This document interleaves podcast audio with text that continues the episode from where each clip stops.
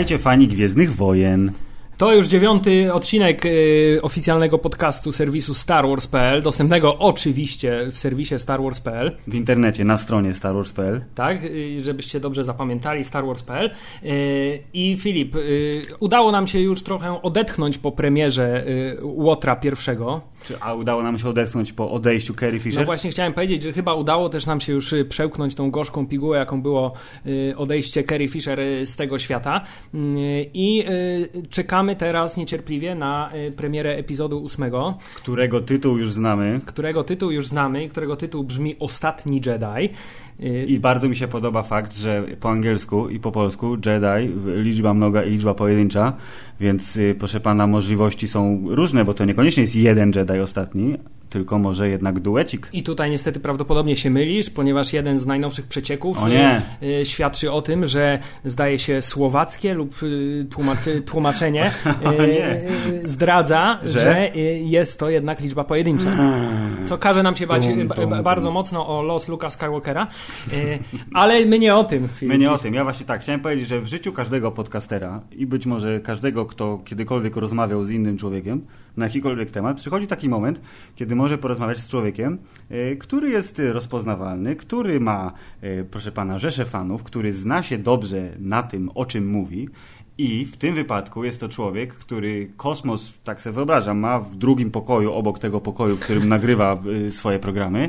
I ten człowiek to Piotr Kosek, y, założyciel, proszę pana, y, i i prezes zarządu portalu astrofaza.pl, który ma swój kanał na YouTubie Astrofaza i ma też oczywiście fanpage na Facebooku astrofaza.pl. Witamy cię Piotrze. Witam serdecznie, witam Was i witam wszystkich, którzy nas dzisiaj słuchają oczywiście. Piotrze, zaprosiliśmy Cię do naszego dzisiejszego programu w roli, y, nie da się tutaj ukryć, y, eksperta. Tak, to jest pytanie do, do, do przyjaciela, w tym wypadku przyjaciel jest ekspertem, a pytań będziemy mieli my dużo. Nie no, nie przesadzajmy zaraz tam z ekspertem, prawda? Po prostu coś tam więcej wiem niż, niż przeciętna przewiduje w, w temacie, ale myślę, że, że jakoś temat rozwiniemy i sobie poradzimy. To teraz Hubert powiedz, co to jest za temat, bo pan, pan, jest, pan jest od kosmosu. Tak, na razie wiemy, że mamy gościa oraz, y, że będzie występował w roli eksperta.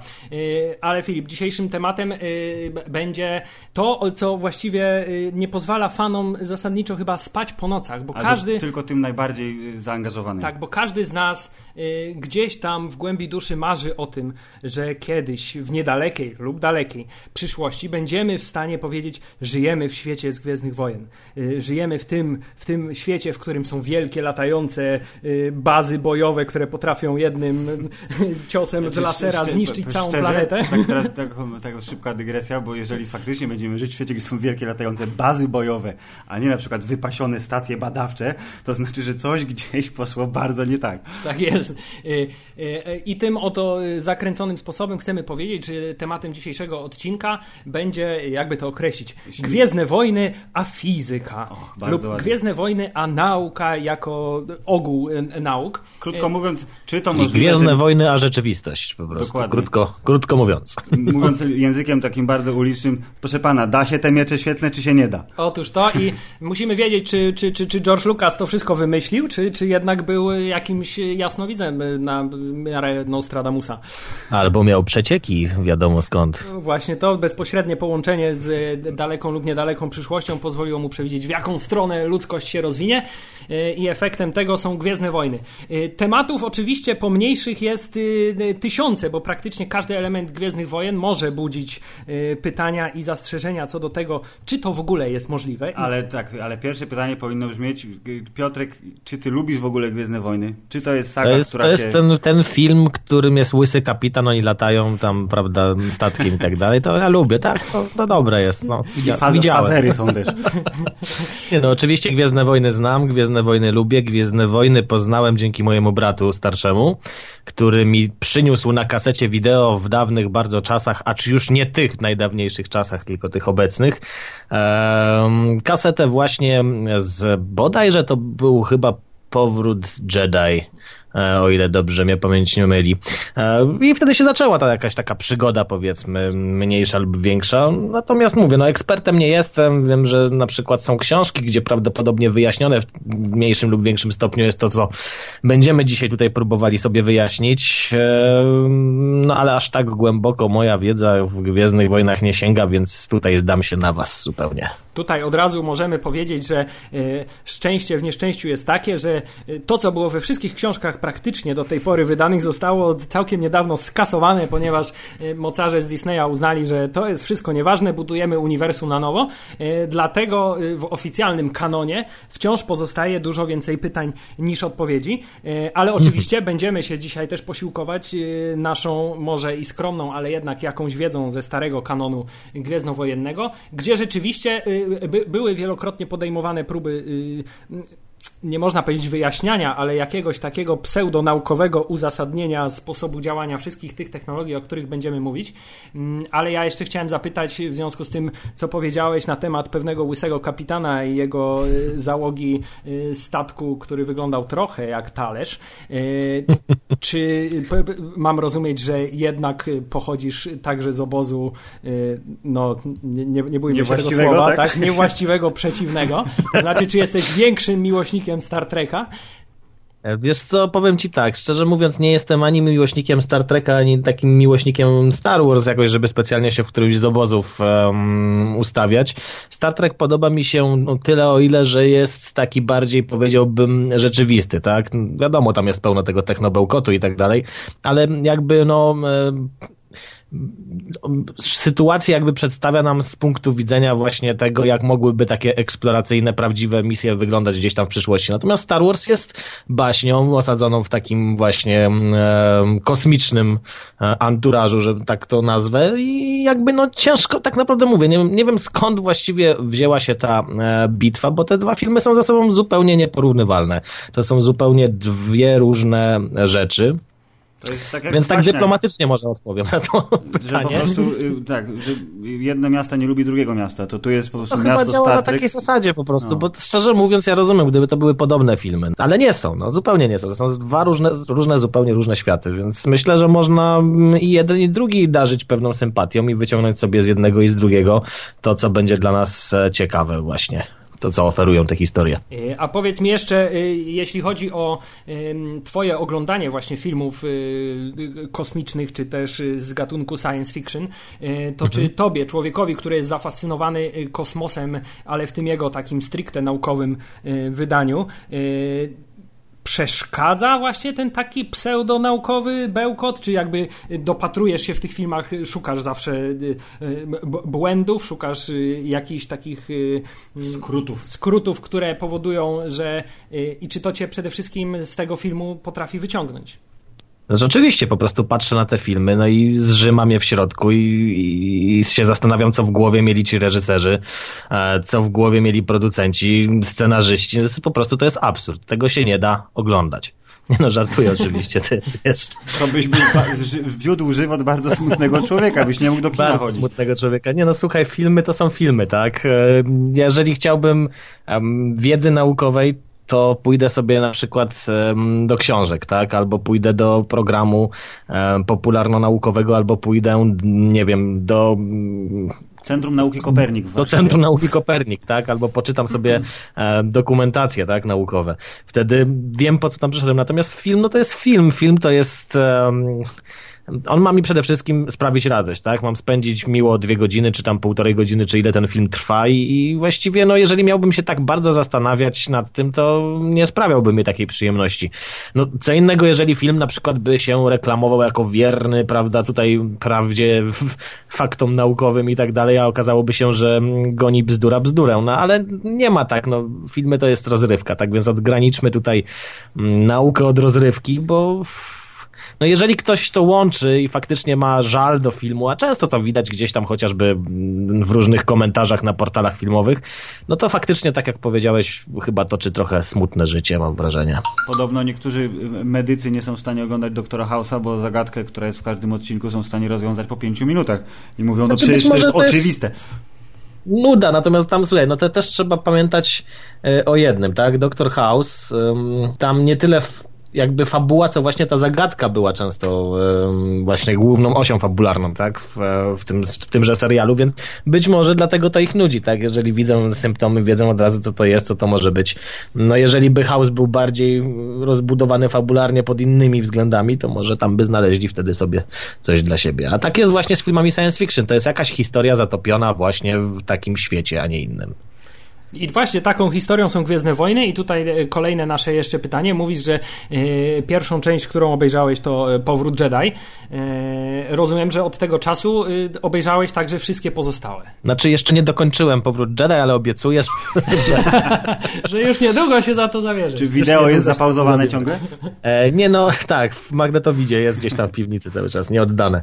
W każdym razie, nie, no oczywiście obejrzałem, to było tak, że Powrót Jedi dlatego wylądował jako pierwsze, bo no wiemy jak było w tamtych czasach, jak były wypożyczalnie, nie było dostępu takiego powszechnego, trzeba było poczekać aż ktoś obejrzy poprzednie części, a brat się nie mógł doczekać, żeby młodszemu bratu pokazać Gwiezdne Wojny. Dobry brat. A, no i przyniósł od razu tę część, tak? Natomiast potem oczywiście obejrzałem poprzednie, potem obejrzałem też te nowe, z większym troszkę bólem, tutaj rozumiem fanów. Jako taki człowiek z zewnątrz, trochę gdzieś tam z, z filmem też mający wspólnego, powiedziałbym, że odstają bardzo, znaczy jest to inna historia, zupełnie inna opowieść mam wrażenie, zupełnie inna opowieść. Ona jest związana jakoś tam fabularnie powiedzmy postaciami, um, sytuacją geopolityczną, czy też właściwie uniwersopolityczną, ale, ale mam wrażenie oglądając te filmy, a że to są dwie zupełnie różne historie. Czy to samo tyczy się yy, Przebudzenia Mocy? Czy to samo tyczy Przebudzenia Mocy? Widziałem Przebudzenie Mocy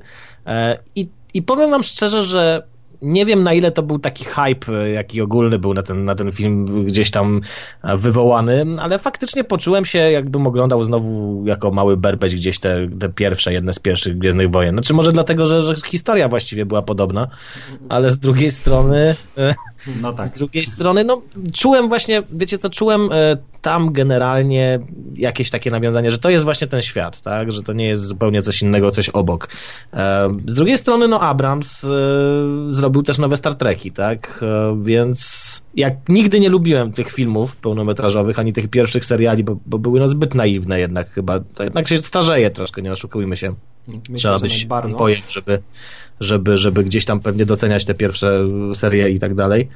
E, natomiast e, te nowe filmy, filmy były świetne, no po prostu nawet tak patrząc z punktu takiego, jak pytaliście, tak? Czyli właśnie mm, jak to w rzeczywistości mogłoby wyglądać, to mm, całość obsługi tego pojazdu kosmicznego poprzez, e, nie wiem, sekcja silnika, tak, maszynownia i tak dalej, no to wszystko wygląda tak, jak faktycznie mogłoby wyglądać. Odbiegłem trochę od Star Wars, natomiast... Właśnie chciałem powiedzieć, że zbliżamy się bardzo tak, niebezpiecznie tak. w kierunku o to mi chodzi, chodzi mi o to, że po prostu skoro reżyser ten konkretny był był w stanie jakby na nowo napisać, e, znaczy zauważał pewne rzeczy, tak? Bo często reżyserzy mają jakiś taki problem, mam wrażenie, albo to wynika, nie wiem, ze współpracy całej um, załogi filmowej, ale mają taki problem, że nie uchwycają tego czegoś, tak? Co jest w filmie najważniejsze. Um, a mam wrażenie, że ten gość to potrafi. Nie wiem, bo może się mylę, może fani mają inne na ten temat um, no, opinie, ale generalnie no nowa część podobała mi się bardziej, porównałbym ją na pewno do tych pierwszych niż do nowych epizodów. Myślę, że w takim razie możemy y, do przejść, mięska przejść. Przejść, przejść do mięska, czyli y, do klu naszego tutaj programu. Jest schabowy? Tak. Schabowy Schabo, zawsze, schabowy, parujący. Schabowy, kosmiczny, tak zwany kotlet z banty, y, dlatego będziemy sobie tutaj po kolei omawiać no takie chyba kluczowe dla Gwiezdnych Wojen technologie, urządzenia, pojazdy i, i, i zjawiska, które się tam pojawiają. Mhm. Oczywiście, pierwszą rzeczą, jaka przychodzi każdemu, chyba nawet można powiedzieć człowiekowi, który usłyszy y, nazwę Gwiezdne Wojny, na myśl y, rzecz, przedmiot, y, to miecz świetlny. Nasi słuchacze znam, wiedzą znam. lub nie, prawdopodobnie wiedzą. Co to jest miecz świetlny. Wiedzą, co to jest miecz świetlny i wiedzą też, że ty wiesz, co to jest miecz świetlny i wypowiadałeś się na temat tego, jak taki miecz świetlny mhm. mógłby w naszym świecie powstać i czy to w ogóle możliwe. I mhm. skrócona odpowiedź brzmi Skrócona odpowiedź brzmi, że nie, jeszcze nie, ale w przyszłości jak najbardziej. Natomiast tak, to był taki odcinek, w którym przytaczałem koncepcję profesora Michio Kaku. On właśnie e, wykoncypował, to jest fizyk, jak mogłoby coś takiego wyglądać. Poszukał tych technologii, które już gdzieś tam są, e, czy w powijakach, czy już są dostępne. No i wyszło na to, że musiałby to być w pewien sposób plazmowy miecz. Laser tu niestety nidyrydy myślę, że to będzie taki temat też powracający w dzisiejszym odcinku, że y, wszystko, co w Gwiezdnych Wojnach nazywa się laserem, turbolaserem, laserem, super laserem, tak naprawdę laserem być nie może, ale do tego y, dojdziemy za chwilę. Mnie na przykład znaczy, świetnie... Słuchajcie, y, nie możemy powiedzieć, że nie może, tak? To jest licencja poetyka, tak? Tak sobie Oczywiście. wymyślili autorzy i to jest laser i tutaj się tego trzymamy. Raczej my możemy rozważać to, czy w naszym świecie mógłby to być laser. Natomiast w Gwiezdnych Wojnach, owszem, turbolaser to turbolaser i koniec no i otóż, tyle. Otóż to, mnie na przykład zawsze w przypadku mieczy świetnych najbardziej zastanawiała y, kwestia y, nieskończoności jego zasilania. Y, mhm. Pamiętam, że w jakimś y, opisie, czy też encyklopedii ze starego, oczywiście już nieistniejącego kanonu, y, było to wyjaśnione mniej więcej w ten sposób, że miecz świetlny działa w obiegu zamkniętym. To znaczy ta mhm. energia, która z niego wychodzi po to, aby to ostrze się pojawiło, mhm. to ostrze jest zaginane i wraca z powrotem. I jedyny moment, kiedy ta energia jakby uchodzi z tego układu, to w momencie, kiedy on się zderza z jakimś jakimś obiektem. To znaczy, mhm. w momencie, kiedy. Znaczy, to, to, to nie jest możliwe, nie wiem. Znaczy, ja wiem, że to pięknie romantycznie brzmi, natomiast energia uchodzi z niego chociażby w ten sposób, że widzimy, że świeci, tak? No to są emitowane fotony, kwanty energii, jakby nie patrzeć, i przez to energia uchodzi z niego cały czas. Inaczej byśmy takiego miecza w ogóle nie widzieli, gdyby to byłby totalnie zamknięty obieg. A, tak samo, no właśnie, w momencie, kiedy kiedy o coś uderza, coś przecina, też ta energia musiałaby być wyzwolona. E, z drugiej strony Michio Kaku w swojej, swojej koncepcji przewidział coś, co już e, niedługo będziemy mieli, czyli właśnie takie e, nanobaterie, z nanotubek takich bardzo małych, właśnie cieńszych, dużo cieńszych niż ludzki włos stworzone i one będą miały no, olbrzymie możliwości magazynowania energii w porównaniu do tego, co mamy teraz w akumulatorach. Natomiast mi przyszło do głowy jeszcze coś innego. No, jest coś takiego jak energia próżni, to, to wiemy, tak? Cząstki wirtualne pojawiają się, można powiedzieć, i znikają. Znikąd się pojawiają, więc jeżeli w przyszłości powstanie taki właśnie generator, który by wykorzystywał takie pole, to, to śmiało moglibyśmy z takim mieczem wszędzie chodzić, on by był po prostu zasilany z samego faktu, że znajduje się w czasoprzestrzeni i tyle. Zanim by powstał taki generator, to byśmy usłyszeli o przynajmniej czterech katastrofach, gdzie coś zostało wyssane po prostu z A, planety, hen tak, daleko no to... i Natomiast wiesz, no, y, bądźmy poważni, tak? Czasy, w których y, wojownicy używają świetlnego miecza zamiast po prostu załatwić sprawę szybko i czysto jakimś, nie wiem, blasterem i tak dalej, no to już muszą być czasy, w których pewna przemiana musiała przejść, czy za pomocą technologii, czy upływającego czasu w głowach ludzi, także jakby nie patrzeć, myślę, że to mogłoby być już długo, długo, długo po tych pierwszych eksperymentach nie bez przyczyny Gwiezdne Wojny dzieją się dawno, dawno temu w odległej galaktyce Dokładnie. jednak, nie? A ja mam jeszcze jedno podchwytliwe pytanie na temat y, y, miecza świetlnego. Y, jak myślisz, czy miecze świetlne się grzeją? Te z Gwiezdnych Wojen pojęcia zielonego nie mam. No widziałem jak topiły różne przedmioty, więc podejrzewam, że jakaś tam temperatura musi się wytwarzać, inaczej by nie dochodziło do takiego stopienia. Natomiast czy, czy są na co dzień? To podchwytliwe jest pytanie, mówisz, więc pewnie normalnie nie są, tylko w momencie, kiedy z czymś się zderzają, to jakaś tam energia jest um, wydzielana i wtedy dopiero temperatura powstaje. To było takie właśnie moje y, y, zawsze y, duże pytanie i pamiętam na jednym ze starych konwentów nawet wszedłem z, z, w polemikę z jakimś starszym fanem, który przyczepił się do tego, że miecz, który własnoręcznie wykonałem a właściwie jego rękojeść z rury od odkurzacza, która no, mimo wszystko metalowa. Cokolwiek działa. Tak.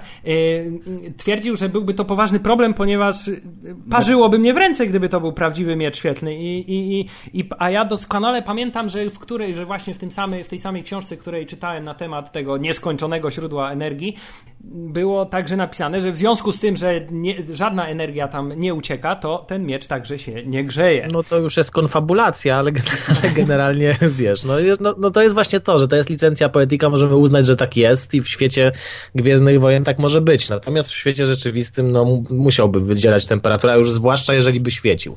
Jeżeli coś jeszcze... świeci, to musi temperaturę jakąś tam wydzielać. I tak. czy byłby jakiś sposób, żeby, nie wiem, zainstalować wentylator albo jakiś odpowiedni termiczny izolator, który to by... działało jak wentylatory w notebookach, które im bardziej się grzeje, tym są głośniejsze. Więc znaczy wiesz, właśnie w koncepcji Michio Kaku um, był wentylator, który wtłaczał właściwie taka, taka sprężarka, która wtłaczała olbrzymie ilości tlenu, powietrza, gazu do środka, który potem był właśnie jonizowany, tak żebyśmy mogli plazmę uzyskać, a plazma była już tam magnetycznie dystrybuowana po takim teleskopowym kijku, tak to wyglądało. Zresztą zachęcam oczywiście do obejrzenia odcinka, to jest taka polska wersja, można powiedzieć u mnie, tak jest, tej jego koncepcji. Drodzy słuchacze, link do odcinka, o którym tutaj mówimy y, z kanału Astrofaza znajdziecie poniżej y, mhm. na stronie starwars.pl, na pewno go tam umieścimy. Czyli co? Na miecze świetlne jeszcze trochę poczekamy. Oj, na pewno naczekamy, to, to, jesteśmy, to jestem przekonany. Natomiast jestem też przekonany, że ktoś go zrobi prędzej czy później. Chociażby właśnie dlatego, żeby udowodnić, że da radę to zrobić. Jak z większością A... wynalazków. Zobaczcie, tak, umiem. I, i, I myślę, że jeszcze za naszego życia zobaczymy tego typu konstrukcje. No to będę klaskał po cichu w duszy. Ja, jakże cieszą mnie te słowa. E, dobrze, a czy w takim razie... Znaczy tylko zdrowo żyjcie, wiecie, jedzcie warzywa i tak dalej. No chyba, że już na dniach zostanie ogłoszony, y, zapowiadany już od długiego czasu lek powstrzymujący jakiekolwiek starzenie się organizmów. No tak, około 2030 zapowiadają, czy tak, czy tak się wydarzy, zobaczymy. Natomiast dzisiaj na przykład widziałem bardzo ciekawy artykuł na temat e, hologramów, które można poczuć. Tak? Mamy normalnie hologram, bo hologram to już jest no, technologia dostępna, po prostu mało używana, bo trzeba najpierw sprzedać płaskie i giętkie ekrany. Natomiast e, następnym krokiem będą pewnie holograficzne wyświetlacze, jakie znamy na przykład właśnie z raportu mniejszości i tak dalej. A co więcej, ten hologram, który właśnie widziałem dzisiaj, można dotknąć. Po prostu tak jak tu znów powrócę do, do Star Trek, bo w Star Wars się nie natknąłem na coś takiego. Tam były hologramy, ale raczej jako wiadomości tak od jest. E, Obi-Wana na przykład. Tak. Natomiast w Star Trek e, były hologramy, które normalnie no, w odczuciu były tak, jak, jakbyś człowieka dotykał, tak? Był nawet lekarz, który był holograficzną projekcją taką. Tutaj jest to rozwiązane w ten sposób, że są takie głośniczki specjalne, sieć takich głośników na platformie, która wyświetla hologram.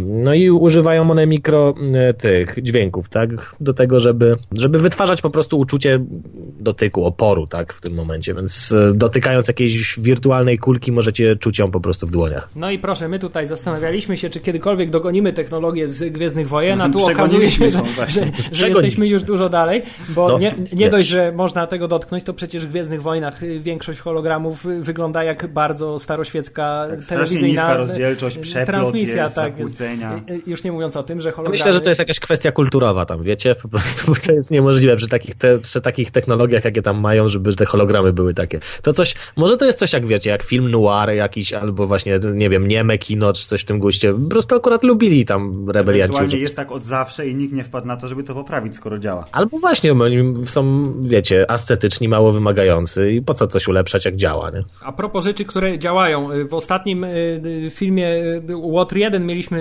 ewidentny dowód na to, że kolejny taki ważny dla Gwiezdnych Wojen element, tym razem też uzbrojenia, czyli wspomniana już wcześniej przeze mnie Gwiazda Śmierci ewidentnie działa, ponieważ niszczy planety bardzo skutecznie, ale pod warunkiem, że się ustawi odpowiednią moc y, super lasera. Y, mhm. Y, trafiliśmy na taką ciekawą infografikę w internecie, Właśnie, która więc... pokazuje nam, jaki byłby koszt nawet nie tyle zbudowania, co mm, obsługi Y, Gwiazdy Aha. Śmierci na co dzień y, i y, wychodzi na to, że taka Gwiazda Śmierci kosztowałaby na obecne czasy jej zasilenie oraz obsługa mniej więcej 6,2 kwadryliarda funtów. W związku z tym pytanie o jakąkolwiek zasadność i możliwość zbudowania Ale czekaj, takiego bo nie wiem, czy urządzenia. powiedziałeś, czy, znaczy musielibyśmy się u Jowisza za, za, zadłużyć, zadłużać, po prostu, tak, żeby to... Ziemia ma dług u kogo dokładnie, to, ale to jest ważne, że to był koszt dzienny. Tak, to jest dzienny. koszt dzienny od obsługi prądowej oraz Znaczy słuchajcie, no dla nas to są bajońskie jakieś takie kwoty, bo my jakby tutaj patrzymy na to w, w, jakichś takich ryzach jednej planety, no ale w momencie, kiedy mamy właściwie galaktycznej wielkości, można powiedzieć, tak, bo o ile dobrze rozumiem, to tam dużo planet wchodziło w skład takiego imperium, czy takich jakichś tam federacji różnych i tak dalej, no to przemnóżcie to wszystko razy, plus jeszcze jakieś tam kosmiczne górnictwo, plus wiadomo jeszcze no, usługi, o których istnieniu nam się nie śniło, a które też się gdzieś tam pojawią w tak rozwiniętych e, I tak naprawdę mamy w tym momencie, no, może wcale nie taki duży i niewygórowany koszt. W takim razie zostaje nam tylko pytanie, jakiej wysokości musiało e, Imperium nakładać podatki na tych biednych mieszkańców galaktyki, żeby sfinansować takie przedsięwzięcie nawet w takiej skali. No z jakiegoś powodu się tam buntowali, tak? Więc podejrzewam, że macie odpowiedź. E, ale jeśli chodzi o Gwiazdę Śmierci, no to tutaj jej oczywiście podstawową funkcją jest funkcja niszczenia planet. Co w naszym takim świecie rzeczywistym mogłoby stanowić, nie wiem, energetyczny odpowiednik mocy takiego super lasera Gwiazdy Śmierci? Co byłoby w stanie w jednej chwili zniszczyć planetę, na przykład Ziemię i to w taki sposób, żeby ona się rzeczywiście rozleciała na miliardy kawałków? Czy to w ogóle jest możliwe, żeby Co, wysadzić no, taki problem obiekt? jest właśnie problem jest taki, że to tak nie działa do końca. Ludziom się często wydaje, że Ziemia to jest taki, no, taka kulka z, ze skały, tak? Którą można pokruszyć jak, jak jakąś, nie wiem, kulkę ze szkła albo coś w tym guście, natomiast to jest bardzo plastyczna tak naprawdę struktura um, związana grawitacyjnie, więc nawet w momencie, zobaczcie, ma, mieliśmy przykład tak naprawdę w naszej historii najprawdopodobniej. Um, Ziemia z tego, co zakłada się w tym momencie, Ziemia w wczesnym stadium swojego istnienia zderzyła się z taką planetą wielkości może Marsa, może troszkę większą, która nazywała się Theia. I e, z tego właśnie zderzenia powstać miał księżyc, tak? Natomiast nie rozsypała się zupełnie, po prostu się zamieniła w swoją płynną wersję, nazwijmy to w ten sposób. Chodzi o to, że po prostu w pewnym momencie grawitacja zaczyna formować wszystko w bańkę, w kulkę, tak? E, bo tak jest jej najwygodniej, tak to energetycznie wychodzi najlepiej. I dlatego tak też to się dzieje. Więc nawet w momencie, kiedy ta planeta uderzyła, to nie rozsypała Ziemi na kawałki, tylko po prostu roztopiła, można powiedzieć, powiedzieć, ją do takiej formy plastycznego, no jak z plasteliny ciepłej, tak, gluta, z którego odczepił się mniejszy glut, no i uformował się księżyc. E, taka jest w tym momencie właśnie teoria. No ale też wiemy, że, że, że tak to by miało, tak to by wyglądało w przypadku na przykład uderzenia jakiejś planety, więc nawet gdyby druga Ziemia uderzyła w Ziemię, to po prostu połączyłoby się to w dwa lub, lub więcej jakichś takich obiektów, ale też nie rozsypalibyśmy zupełnie planety tak jak Alderan, tak? Dobrze pamiętam nazwę, Tak mam jest, nadzieję, nie przekręcam. Został zniszczony za pomocą tego lasera. No ekwiwalent musiałby być, widzicie, większy na pewno niż uderzenie obiektu tak masywnego jak, jak, jak takie ciało niebieskie jak Ziemia, tak? Żeby w ogóle do czegoś takiego doprowadzić. Chyba, że na przykład byłby to jakiś e, nie laser, tylko na przykład właśnie jakieś działo działające w oparciu o ciemną energię, o ile w ogóle istnieje. Jest taka koncepcja i ona odpowiadać ma, przeciwnie jak grawitacja coś wiąże, tak, i ściąga do siebie, to ciemna energia miałaby um, rozszerzać, właśnie odpowiadać za rozszerzanie się wszechświata, więc gdyby odpowiednio ją skondensować, i absolutnie zakładam tutaj, że to jest czyste science fiction, nie wiadomo, czy można coś takiego zrobić, ale gdyby odpowiednio skondensować ją, to być może mogłaby właśnie rozerwać wtedy na kawałki takie ciało niebieskie. Czyli krótko mówiąc, eksplozje jako takie działają w atmosferze i na dużo mniejsze obiekty, mniej masywne, a ciała niebieskie to tak samo jak... Nie, nie, nie, nie, nie, tutaj nie możemy tego mylić. To nie jest kwestia eksplozji. Przede wszystkim, e, jeżeli planeta uderzy w planetę, to jest bardziej jak zderzenie, tak? W momencie, kiedy na przykład macie wypadek samochodowy, czego nie życzę oczywiście, to przecież te blachy się rozgrzewają do wysokich temperatur, jak się zderzają. I tak samo dzieje się z dwoma ciałami niebieskimi. To nie można, nie ma jakby mowy o eksplozji. Eksplozja na przykład to, to jest jakieś tam nagłe spalanie, tak? Na przykład jakiegoś ładunku wybuchowego, prochu, pod ciśnieniem. A, mamy eksplozję, wyrzut wtedy na zewnątrz tych gazów, tego, tego ciśnienia, tak? Implozję, no tutaj mamy do wewnątrz. Podczas wybuchu bomby atomowej na przykład mamy na początku implozję.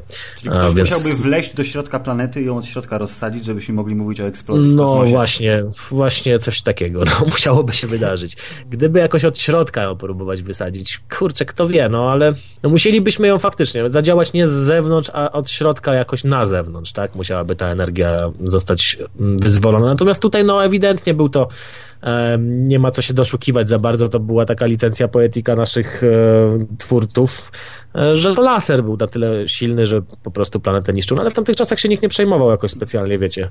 Raczej się wszyscy cieszyli, że mogli pokazać taki no, to fajny chodzi, wybuch. fajerwerki były i tyle. Michael Bay na ekranie, to no. jest najważniejsze. No właśnie i zarówno y, w naszym tutaj świecie, a właściwie świecie hollywoodzkich filmowców, jak i w świecie Gwiezdnych Wojen, y, technologia i, i to, czego ludzie oczekują od właśnie wybuchów w kosmosie y, poszła do przodu i w najnowszej części oczywiście z głównej sagi, czyli w Przebudzeniu Mocy, Gwiazda Śmierci została zastąpiona planetą śmierci, planetą śmierci zwaną bazą Starkiller, która nie dość, że aby naładować to swoje tajemnicze już zupełnie tajemnicze działo y, musi pożreć energię Słońca y, lub innej gwiazdy, która jest y, w, akurat w, nie wiem, w tym układzie, w którym ona się znajduje.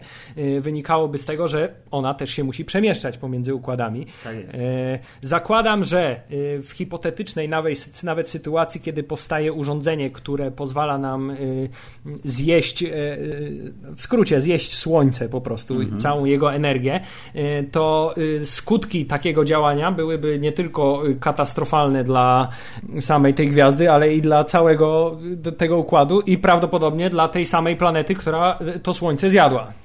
Znaczy przede wszystkim tak, jeżeli chodzi o podróżowanie takiej gwiazdy, znaczy takiej planety śmierci, tak nazwijmy to Starkillera, to jak najbardziej, jeżeli chodzi przynajmniej o jakieś tam teoretyczne założenia fizyczne, byłoby to możliwe. Jeżeli faktycznie zdobędziemy skądś tak zwaną materię egzotyczną, czyli materię, która ma ujemną masę, dzięki której będziemy mogli zagiąć czasoprzestrzeń w ten sposób, że powstanie taki bąbel, e, w którym będziemy mogli podróżować, no coś jak silnik Warp ze Star Trek e, i podejrzewam, że, że na takiej podobnej zasadzie działają też te właśnie skoki w, w nadświetlną w Gwiezdnych Wojnach, aczkolwiek mogę się mylić, to mnie tutaj z błędu wyprowadźcie. Za chwilę wyprowadzimy. Okej. Okay. W każdym razie no jest coś takiego, tak? I, i, I, w rzeczywistości, jeżeli faktycznie taką materię kiedyś się uda uzyskać, no to moglibyśmy, to nie ma problemu tutaj, żeby nawet um, planetarnej wielkości, a właściwie na jakiejś księżycowej podejrzewam wielkości, tak jak Starkiller, obiekt móc w ten sposób też w przestrzeni przenosić. Przestrzeń akurat ma ten plus, że nie ma jakby ograniczeń takich właśnie, tak? I prędkościowych, i rozmiarowych. A dlatego też no, podróż powiedzmy, że jest gdzieś tam jeszcze w zasięgu naszej fizyki teoretycznej. Co innego jest no to pożeranie słońca, tak? To zresztą też, też robiłem na ten temat właśnie film i, i tam mówiłem o tym, że no Słońce to jest masa pewna, tak? Pobierając tę energię, pobieramy też w pewien sposób masę, bo one są od siebie zależne. To nie jest tak, że możemy je jakoś rozdzielić specjalnie. Gdyby to jakoś, prawda, nie wiem, w takim e, kieszeniowej przestrzeni gdzieś tam przetrzymywać i tak dalej, no to owszem, można by było o coś takiego się posilić, no ale tutaj musimy uznać, że istnieje coś takiego jak właśnie inny wymiar, w którym możemy to trzymać. E, nic na ten temat nam fizyka nie mówi, więc kolejny raz jest to jakby wymysł tutaj scenarzystów. I w ten sposób myślę, że można by było to jakoś tam tłumaczyć, natomiast w rzeczywistym świecie no, no, no nie ma takiej opcji, tak, e, żeby zasać gwiazdę w jakiejkolwiek postaci by to nie było do wnętrza takiego, takiego urządzenia, które zdajowało się na pewno gdzieś tam wewnątrz tego właśnie księżyca, tej latającej planety karłowatej. Inna też sprawa była ten rów taki, kojarzycie, on tam przez równik zdaje tak, się szedł, tak, taki tak. właśnie, gdzie to wszystko było wmontowane. Ktoś tam e, stwierdził, że no już mogli się pokusić o to, żeby ta gwiazda, e, ten Starkiller, była po prostu zamkniętą bazą, tak? Wewnątrz, gdzieś tam w skałach. Zresztą i tak te wszystkie przecież sceny tam się mniej więcej odbywały. Na zewnątrz, no to tylko te walki w śniegu i ta cała parada gdzieś tam przed, przed tym działem wielkim. Gdyby z tego zrezygnować, to jeszcze w tej kwestii byłoby to zgodne z no, naszymi takimi jakimiś tam prawami fizyki, natomiast na dnie takiego rowu ta atmosfera byłaby już no, miażdżąca po prostu. Ciśnienie byłoby tam bardzo, bardzo, bardzo duże. Jak na dnie rowu mariańskiego, na przykład u nas. No, nie aż tak, bo tam jest woda, ale generalnie i tak byłoby dosyć, dosyć niefajnie dla tych ludzi, którzy gdzieś tam na dole by się znaleźli. To, to ja mam pytanie bonusowe związane właśnie z y, zasysaniem słońca i wystrzeliwaniem ogromnego pocisku laserowego. Czy takie teoretyczne zniszczenie, w sensie tak jakby oni chcieli sobie wykonać kalkulację, ok, strzelimy teraz naszym super laserem gdzieś na drugi koniec galaktyki, ale właśnie mhm. zniknęło słońce z układu, w którym jesteśmy. To czy zniszczenie tego słońca nie spowodowałoby, że wszystkie planety i jakiekolwiek światy byłyby w tym układzie, ucierpiałyby, jeśli nie momentalnie, to na przykład za lat X, czy to właśnie zniszczenie tego podróżującego lasera, który niszczy planetę gdzieś hen, hen, hen daleko? Co jest gorsze? Znaczy, generalnie powiem wam tak, no na pewno niszcząc Słońce, jeżeli bylibyśmy, bylibyśmy w stanie jakoś to zrobić, no możemy, jeżeli bylibyśmy w stanie skierować na przykład gwiazdę neutronową w kierunku Słońca, to byśmy je roz, rozerwali po prostu najzwyczajniej w świecie. Obecnie takimi technologiami nie, nie dysponujemy, ale nie jest powiedziane, że w przyszłości albo jakieś bardziej rozwinięte cywilizacje, jeśli istnieją, nie potrafiłyby czegoś takiego zrobić. Natomiast e, niszcząc Słońce, no skazujemy ten układ gwiezdny na śmierć, można powiedzieć. Planety wystrzeliłyby w kierunkach e, swojego lotu, bo przestałyby ją wiązać no, grawitacyjnie, tak? Taka gwiazda. No, zakładając, że usuwamy ją zupełnie, tak? Nie, że, że, mm. że gdzieś tam um, znika czy się przesuwa, tylko po prostu tak jak tutaj w przypadku tego właśnie Starkillera niszczymy to. Więc, e, więc takie, no, no życie by się na pewno nie utrzymało, tak? Weźmy przykład Ziemi, może będzie łatwiej mówić. Jeżeli byśmy zniszczyli Słońce, to po 8 minutach Ziemia by się uwolniła spod grawitacyjnego wpływu. Z racji na to, że fale grawitacyjne, tak samo jak światło, mają tę samą prędkość w próżni, czyli C, po 8 minutach mniej więcej byśmy odczuli, że Słońca nie ma, tak? Nagle by zgasło, czy tam cokolwiek wybuchło, czy co tam by się z nim miało stać. E, I w tym momencie Ziemia dopiero zaczęłaby też gdzieś tam uciekać sobie w kierunku, w którym leciała akurat w tym momencie. Więc tak samo byłoby z tamtymi planetami. E, no wiadomo, powolna śmierć, wszystko zaczęłoby zamarzać, wszystko zaczęłoby ginąć, e, spoko, ale jeżeli mówimy tutaj o zaawansowanych cywilizacjach, no to one oczywiście mogłyby opuścić takie planety, tak? Po prostu najzwyczajniej w świecie przenieść pojazdami kosmicznymi się w inne bezpieczne miejsce, więc podejrzewam, że stąd też pomysł, żeby niszczyć od razu te planety. Ale pytanie, czy nie taniej byłoby po prostu, nie wiem, zbudować kilka gwiazd śmierci i no wysłać je na, na te planety i wszystkie naraz po prostu zniszczyć? No ja właśnie chciałem tutaj, a ja właśnie miałem taki przed chwilą, yy, słuchając tego, co mówisz, yy, po, po, podziw do, dla geniuszu Imperium, ponieważ jakby yy, dwie Jest. pieczenie na jednym ogniu, to znaczy niszczymy zarówno planetę, w którą celujemy z naszego nadprzestrzennego działa, jak i planetę i wszystkie planety w okolicy gwiazdy, którą y, pożeramy, żeby z tego działa wystrzelić, więc y, przy okazji Brawo. jednego działania Imperator tak jest, dumny. Niszczymy, niszczymy dużo więcej żyć ludzkich niż wcześniej mogliśmy. Ale okazuje okay, się... bo to było tak, rozumiem, że może mieć pamięć mylić, tak, że oni jak strzelali, to cały ten promień szedł w tej tam nadświetlnej, podświetlnej tak i generalnie uderzał gdzieś tam w układ, który był hen daleko, tak? Tak, mogli wycelować w, dowolną, w dowolny układ planetarny, w dowolnym miejscu galaktyki. Promień podróżował właśnie w nadprzestrzeni, mhm, mhm. a po eksplozji tych układów także w całej galaktyce rozchodziły się takie y, fale zmarszczki hiperprzestrzenne, które y, sprawiały, że nawet w odległych krańcach galaktyki było widać, że doszło do zniszczenia tych akurat planet. No to akurat jest, to jest akurat rzecz, którą jak najbardziej można uznać za prawdę, ponieważ w momencie, kiedy dochodzi do takich na skalę kosmiczną wręcz wydarzeń, E, jak na przykład zescalenie się dwóch czarnych dziur, tak, jakichś masywnych, e, to w tym momencie też rozchodzą się właśnie takie fale grawitacyjne i my jesteśmy w stanie zauważyć nawet miliardy lat e, świetlnych od nas, że do czegoś takiego doszło.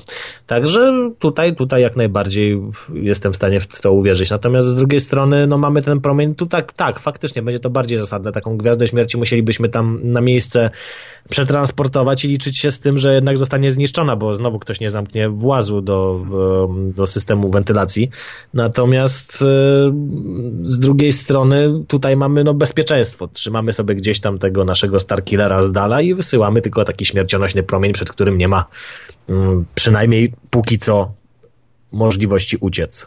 Tutaj bezpieczeństwo jest y, mimo wszystko, chociaż z drugiej strony chciałem powiedzieć, że jest mniejsze ze względu na to, że no, baza nieruchoma y, uciec nie może, ale w jakiś sposób jednak ta planeta podróżować musiała. Nie wiemy natomiast, czy potrafiła podróżować w nadprzestrzeni, zapewne nie, a to akurat Gwiazda Śmierci dobrze wiemy, że potrafiła. Tak. E, I y, właśnie o nadprzestrzeni, czy też hiperprzestrzeni teraz byśmy mogli chwilę porozmawiać, mm, bo napomknąłeś wcześniej, że w uniwersum Star Trek działa to właśnie na zasadzie Bańki. zaginania y, czasoprzestrzeni.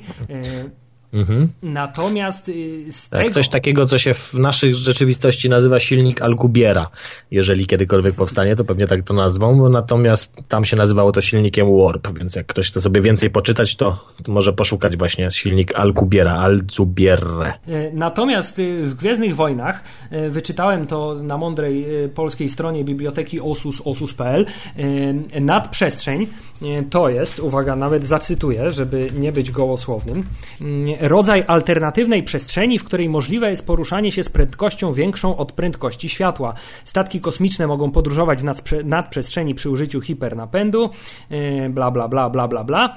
E, Nadprzestrzeń w pewnym sensie odwzorowuje przestrzeń standardową. Ciała, które znajdują się w przestrzeni normalnej, w nadprzestrzeni wytwarzają tak zwany cień masy.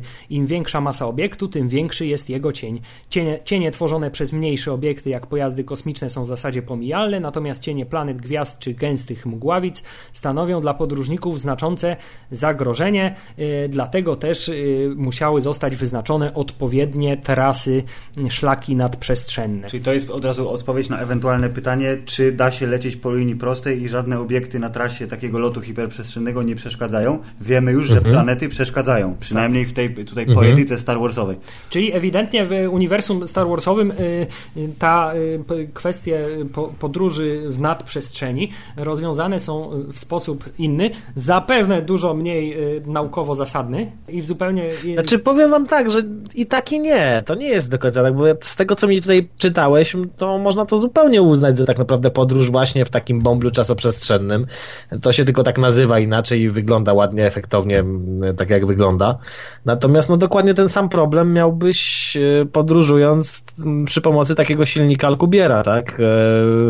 To, że ty sobie gdzieś tam lecisz, uginasz tę czasoprzestrzeń, nie znaczy, że na twoim e, jakimś tam, na twoim, na twoim kursie, tak?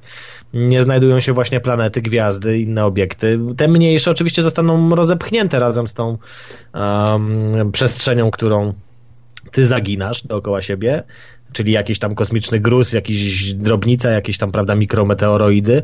Natomiast e, no, z gwiazdą już by tak łatwo nie było, tak? Musielibyśmy bardzo, bardzo ugiąć taką czasoprzestrzeń, żeby gdzieś nam na bok odskoczyła. Także to też jest ciekawa sprawa, tak teraz mi przyszło na myśl, że w sumie gdyby istnieli obcy, którzy używają aż takich technologii, to widzielibyśmy skaczące gwiazdy, ale nikt tego czy nigdy nie, zaob- nie zaobserwował. A, dobre. Pytanie, no czy też jest sens właśnie aż tak uginać czasoprzestrzeń? Po co? Do, do czego, jeżeli gdzieś tam pojazdy no nie, nie, nie będą no, takich wielkości? Więc tutaj jakby działa to troszkę podobnie, ale pytaliście się też, no czy po prostej może można lecieć? No nie można lecieć po prostej teoretycznie. Znaczy teoretycznie można, ale nie można, tak? Pamiętajcie, że e, we wszechświecie wszystko jest w ruchu, tak? Więc jeżeli na przykład chcemy się dostać gdzieś tam, nawet przy pomocy takiego silnika Warp, czy też Alkubiera, czy też skoków nad przestrzeń, to musimy pokonać pewną trasę pewnym czasie, tak? I w tym czasie e, no nie zatrzyma się dla nas ten czas, tak? Tylko gdzieś tam te planety, ten układ gwiezdny, do którego będziemy chcieli lecieć, on zmieni swoją pozycję względem nas e, do tego czasu. Także to wszystko musiałby bardzo mocno wyliczyć komputer nawigacyjny pokładowy, ustalić odpowiedni kurs. Albo po prostu na zasadzie takiej, że doskakujemy gdzieś tam do danego systemu, a potem już na jakichś silnikach nie wiem jak tam, czy się też impulsowe, czy nieimpulsowe nazywały, e, można by było dolecieć już na tych mniejszych odległościach, tak, wewnątrz systemu gwiezdnego. Więc no po prostej, przy takich prędkościach być może, natomiast zawsze musi być korygowany taki kurs. E, Dzisiaj no nigdzie po prostej nie dolecimy, bo nasze prędkości są zbyt małe i to przypomina bardziej nasze strzelanie statków kosmicznych gdzieś na inne planety wygląda jak strzelanie z procy. musimy po prostu dobrze obliczyć wszystko, żeby, a, tak, żeby to doleciało na miejsce. o okienkach startowych, bo akurat no, planeta znajduje się tam, ta, tam, gdzie my chcemy, bo możemy wykorzystać studnię grawitacyjną i inne cuda. Dokładnie. A to ja mam pytanie, skoro jest y, hiperprzestrzeń, dużo bardziej chyba y, fizycznie. Znaczy ja nie wiem, czy jest hi hiperprzestrzeń, nie, to ja tego rozmowie. nie powiedziałem. Ja mówię, jest w rozmowie, tylko Ale nie wierzymy w to bardzo mocno, że jednak istnieje. Oczywiście. To mamy taką scenę w y, Przebudzeniu Mocy, gdzie panowie najsłynniejszym statkiem, jaki istnieje po tej stronie y, Drogi Mlecznej, czyli Sokołem Millennium, wychodzą z nadprzestrzeni wewnątrz atmosfery planety karłowatej, jaką jest baza Starkiller. I pytanie, mhm. bo to jest mimo wszystko Właśnie nie wiem, czy można to traktować, że lot nad przestrzeni to jest po prostu lot z ogromniastą prędkością, mimo wszystko, yy, czy no, właśnie na pewno nie? nie. Na pewno w każdym nie. razie, Tutaj czy będą... takie wyhamowanie gwałtowne w atmosferze po wyjściu z nadprzestrzeni nie spowodowałoby, że taki biedny Han Solo by się po prostu rozsmarował na przedniej szybie swojego pojazdu? Znaczy tak, teraz właśnie o co chodzi? Jeżeli byśmy lecieli z prędkościami relatywistycznymi, czyli bliskimi prędkością światła w jakiś sposób, dawalibyśmy radę dostarczyć tyle energii, żeby rozpędzić masę naszego statku, to no, zachodziłyby różne ciekawe zjawiska, dlatego też zaczęto szukać tego innego sposobu na podróżowanie, bo raz, że prędkość światła wcale nie jest jakaś specjalnie oszałamiająca przy odległościach kosmicznych do najbliższej gwiazdy musielibyśmy 4 lata z taką prędkością lecieć. E, dwa, że no tak jak mówicie, trzeba się do niej rozpędzić, trzeba zahamować. Natomiast w momencie, kiedy używamy przestrzeni samej, tak, to my się w tej przestrzeni praktycznie nie poruszamy. Nie ma dla nas e, takiego efektu właśnie przyspieszenia, tak, niebezpiecznych przeciążeń. Po prostu nagle przestajemy zaginać w czasoprzestrzeń, a my bezpiecznie możemy wyhamować prawdopodobnie nawet w atmosferze, jeżeli dobrze by to wyliczyć, tak żeby nie przygrzmocić o, o podłoże.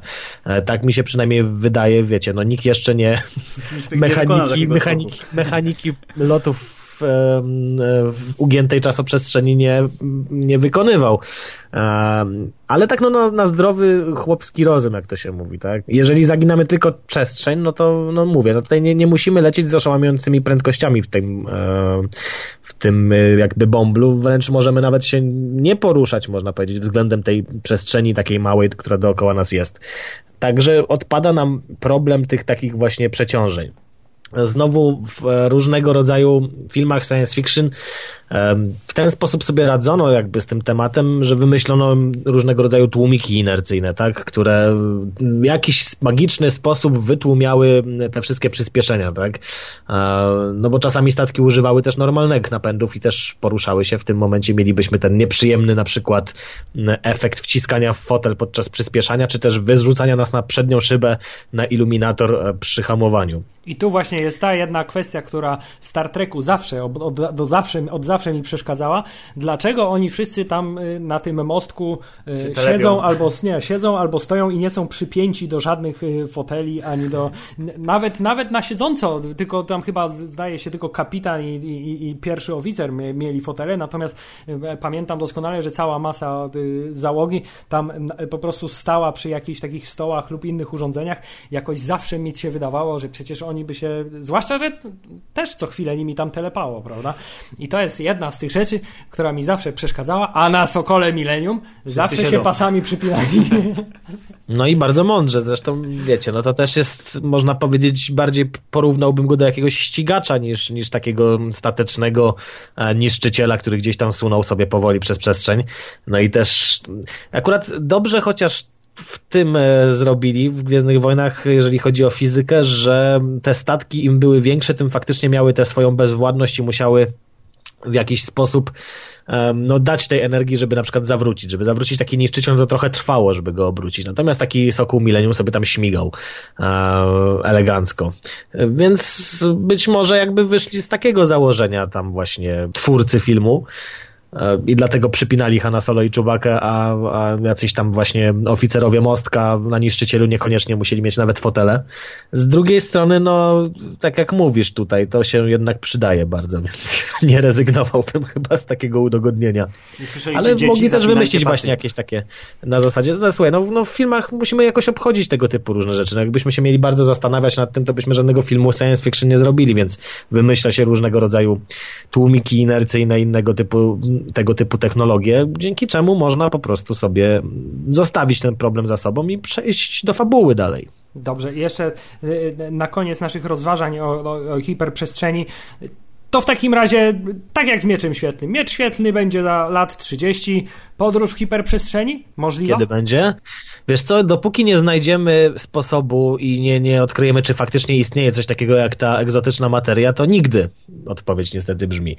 Bo przynajmniej no, na takich zasadach, jakie w tym momencie gdzieś tam do głowy przyszły naukowcom, na przykład właśnie Alcubierowi, e, który zaproponował taką, e, taki sposób podróży, no, mamy coś takiego jak chociażby teoria względności, tak, która gdzieś opisuje grawitacyjnie dobrze e, ten nasz wszechświat i no, musi to wszystko jakby w zgodzie i w parze z jej naturą iść. To akurat idzie.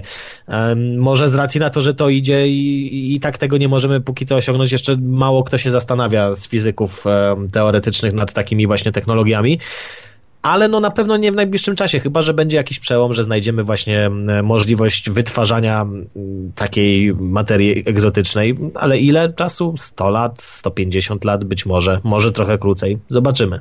Ciężko, chyba, ciężko tutaj wyrokować. Wszystko tak idzie coraz że... szybciej przepraszam, może tak być, że znajdziemy jak w Interstellar, po prostu pojawi się nagle dziura w przestrzeni i będziemy mogli tam znaczy, wlecieć. to jest jeszcze coś innego, to jest jeszcze coś innego, bo tu mówimy o tunelach czasoprzestrzennych. Owszem, to jest też jakiś sposób na podróżowanie na duże odległości, tylko że tunel czasoprzestrzenny nie tworzy bombla, a tak jakby łączy dwa punkty w przestrzeni po prostu w wyższym wymiarze. Podejrzewam, że, że tak to się odbywa w założeniu tej, tej technologii, czy też tego zjawiska.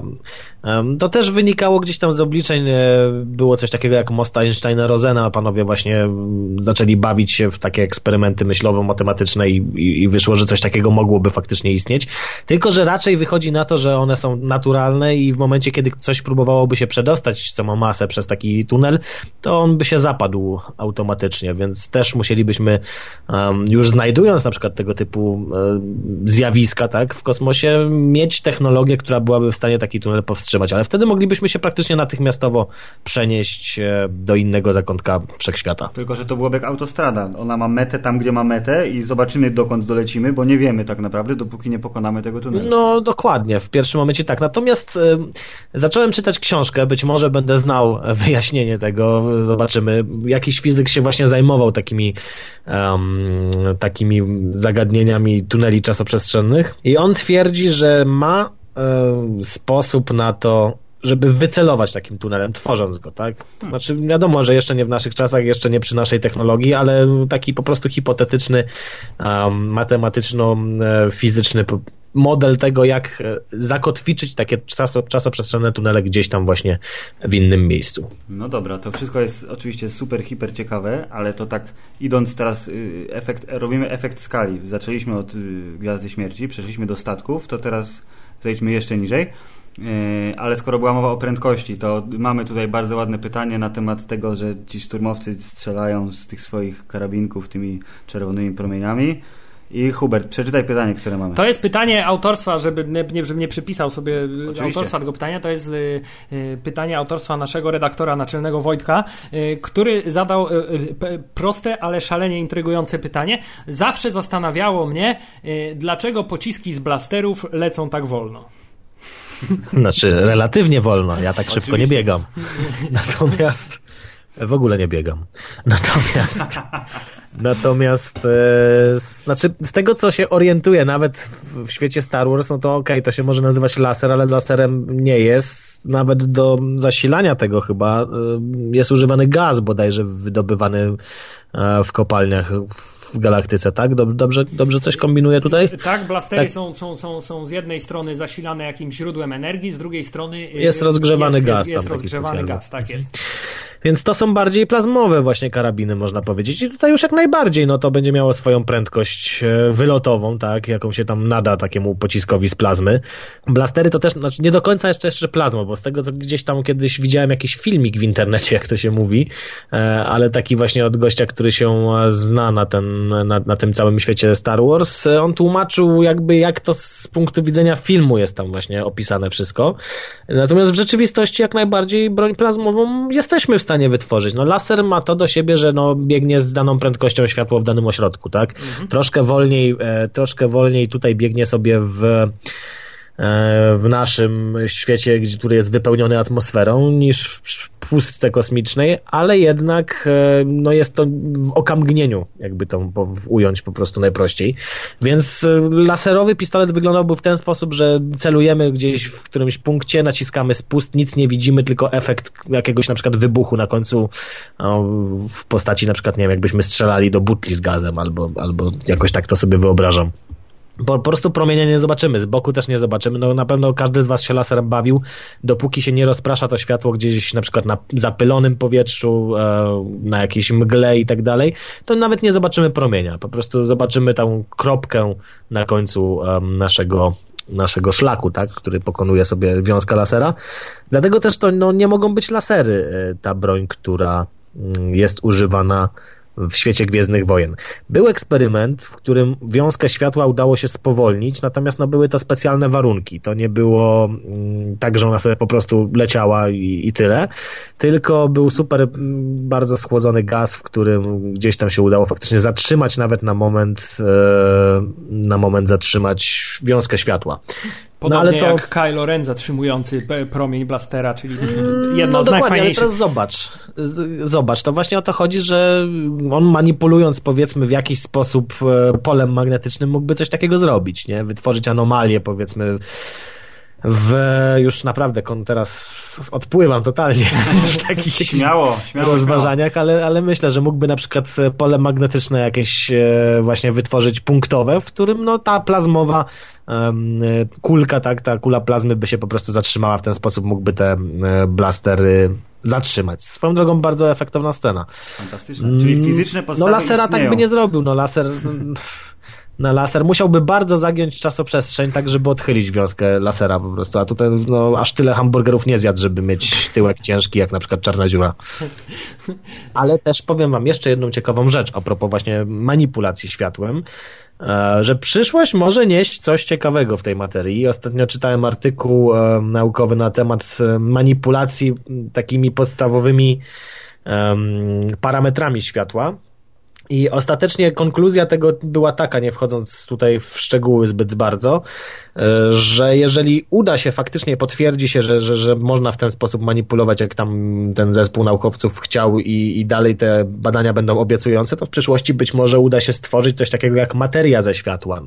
Bo w tym momencie po prostu fotony ze sobą nie oddziałują, tak? E, one oddziałują z innymi cząstkami, ale nie ze sobą bezpośrednio, a naukowcom udało się je zmusić do współpracy. Więc wyobraźcie sobie na przykład miecz świetlny, po prostu właśnie faktycznie z lasera, który jednak da radę uformować w jakieś ostrze. I być może wtedy faktycznie bylibyśmy w stanie zrobić laserowy miecz. Kto wie.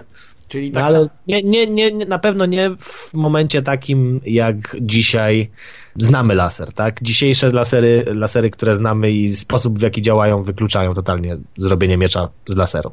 Ale jednak jest nadzieja jest i to jest właśnie. piękny moment, y, żeby nasze dzisiejsze rozważania na temat y, y, świata Gwiezdnych Wojen, a świata nauki zakończyć. Oczywiście pytań jeszcze jest dziesiątki, jak nie setki, dlatego Piotrze liczymy na to, że jeszcze kiedyś będziemy mogli się spotkać i, i, i, i przekażesz nam jeszcze więcej wiedzy, bo pytań my mamy jeszcze parę, a zakładam, że nasi słuchacze mogą mieć ich jeszcze dużo, dużo więcej mm, Dlatego y, naszych słuchaczy y, zapraszamy serdecznie do y, komentowania, zadawania pytań. Czego byście chcieli wy się dowiedzieć w tym temacie? O dwójka astrofazy. O dwójka astrofazy. A my, a... O ile będę oczywiście znał odpowiedź, wiecie, no to jeżeli fizycy już na ten temat coś powiedzieli i da radę znaleźć takie informacje, to możemy sobie gdzieś tam porozmawiać na ten temat. Natomiast wiecie, Eksperymentalnie niestety tego nie potwierdzimy. No niestety, przynajmniej na razie. Natomiast liczymy na to, że spotkamy się jeszcze e, nieraz omawiając meandry technologiczne świata Gwiezdnych Wojen. Drodzy słuchacze, e, e, możecie śmiało zadawać swoje pytania, czy to na stronie StarWars.pl, czy na naszym profilu facebookowym, czy na naszym kanale YouTube'owym, który Od jeszcze niedawna. nie śmiało, ale, ale już tak. coraz, coraz odważniej sobie Ja widziałem, polecam. O, właśnie, a to piękna rekomendacja. Zapraszamy zapraszamy. Link do kanału znajdziecie, jak wszystko zresztą, co jest interesujące na Tak. świecie, na stronie starwars.pl. Mm, Zapraszamy, ale żeby nie było, no to zapraszamy też oczywiście do mm, oglądania y, y, odcinków y, programu Astrofaza y, autorstwa Piotra, bo z tego programu, nie oszukujmy się, dowiecie się dużo, dużo więcej niż od nas, bo jak to pan Pawlak powiedział, mądrego, aż miło posłuchać. Y, I myślę, że y, zarówno tutaj w naszym podcaście, y, jak i na kanale Astrofaza możecie dowiedzieć się wielu y, ciekawych y, rzeczy od mądrego człowieka. Naszym gościem był Piotr Kosek. Bardzo serdecznie dziękujemy. Dzięki również i pozdrawiam wszystkich słuchaczy. Y, I nie pozostaje nam chyba już w tym odcinku nic innego, jak pożegnać się naszym y, tradycyjnym gwiezdnowojennym pożegnaniem. Niech moc będzie z wami. Yeah!